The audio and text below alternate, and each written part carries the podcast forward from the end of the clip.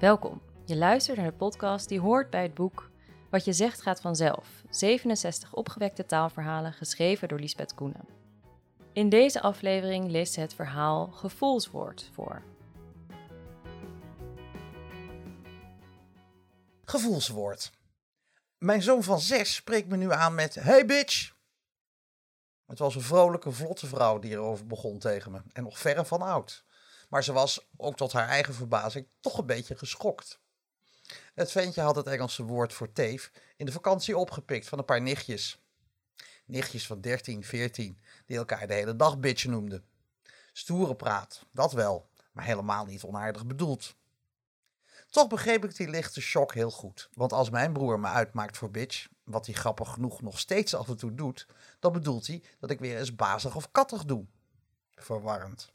Maar ja, de gevoelswaarde van juist gevoelswoorden wil nog wel eens veranderen. En volgens mij danken we dat dikwijls aan pubers.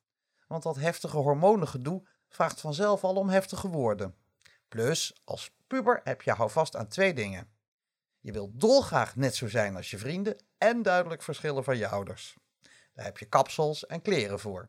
Maar het handige van praten is dat het niks kost. Dus komen jongeren altijd weer met hun eigen taalgebruik. Omkering is daarbij een handig trucje.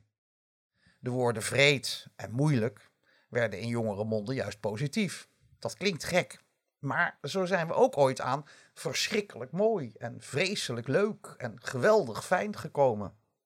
Schrik, vrees en geweld als opgewekte versterkers. Daar hebben eerdere generaties dan weer van opgekeken.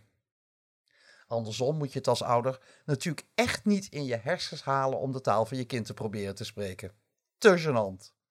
Dus blijven we tot op zekere hoogte altijd in de tijd te plaatsen door de gevoelswoorden die we gebruiken. Ze zijn als jaarringen. Wie bijvoorbeeld net als ik puberde in de jaren 70, blijft levenslang vinden dat dingen heel goed te gek kunnen zijn en onwijs.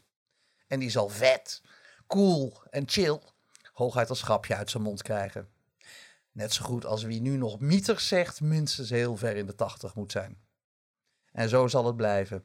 Tegen het eind van deze eeuw noemen de tachtigers van dan elkaar liefkozend bitch. Dit was Gevoelswoord. Meer opgewekte taalverhalen. Dit verhaal kwam uit het boekje Wat je zegt gaat vanzelf. Uitgegeven door uitgeverij De Kring en vormgegeven door Bureau Merkwaardig. En nu overal te koop voor 14,99.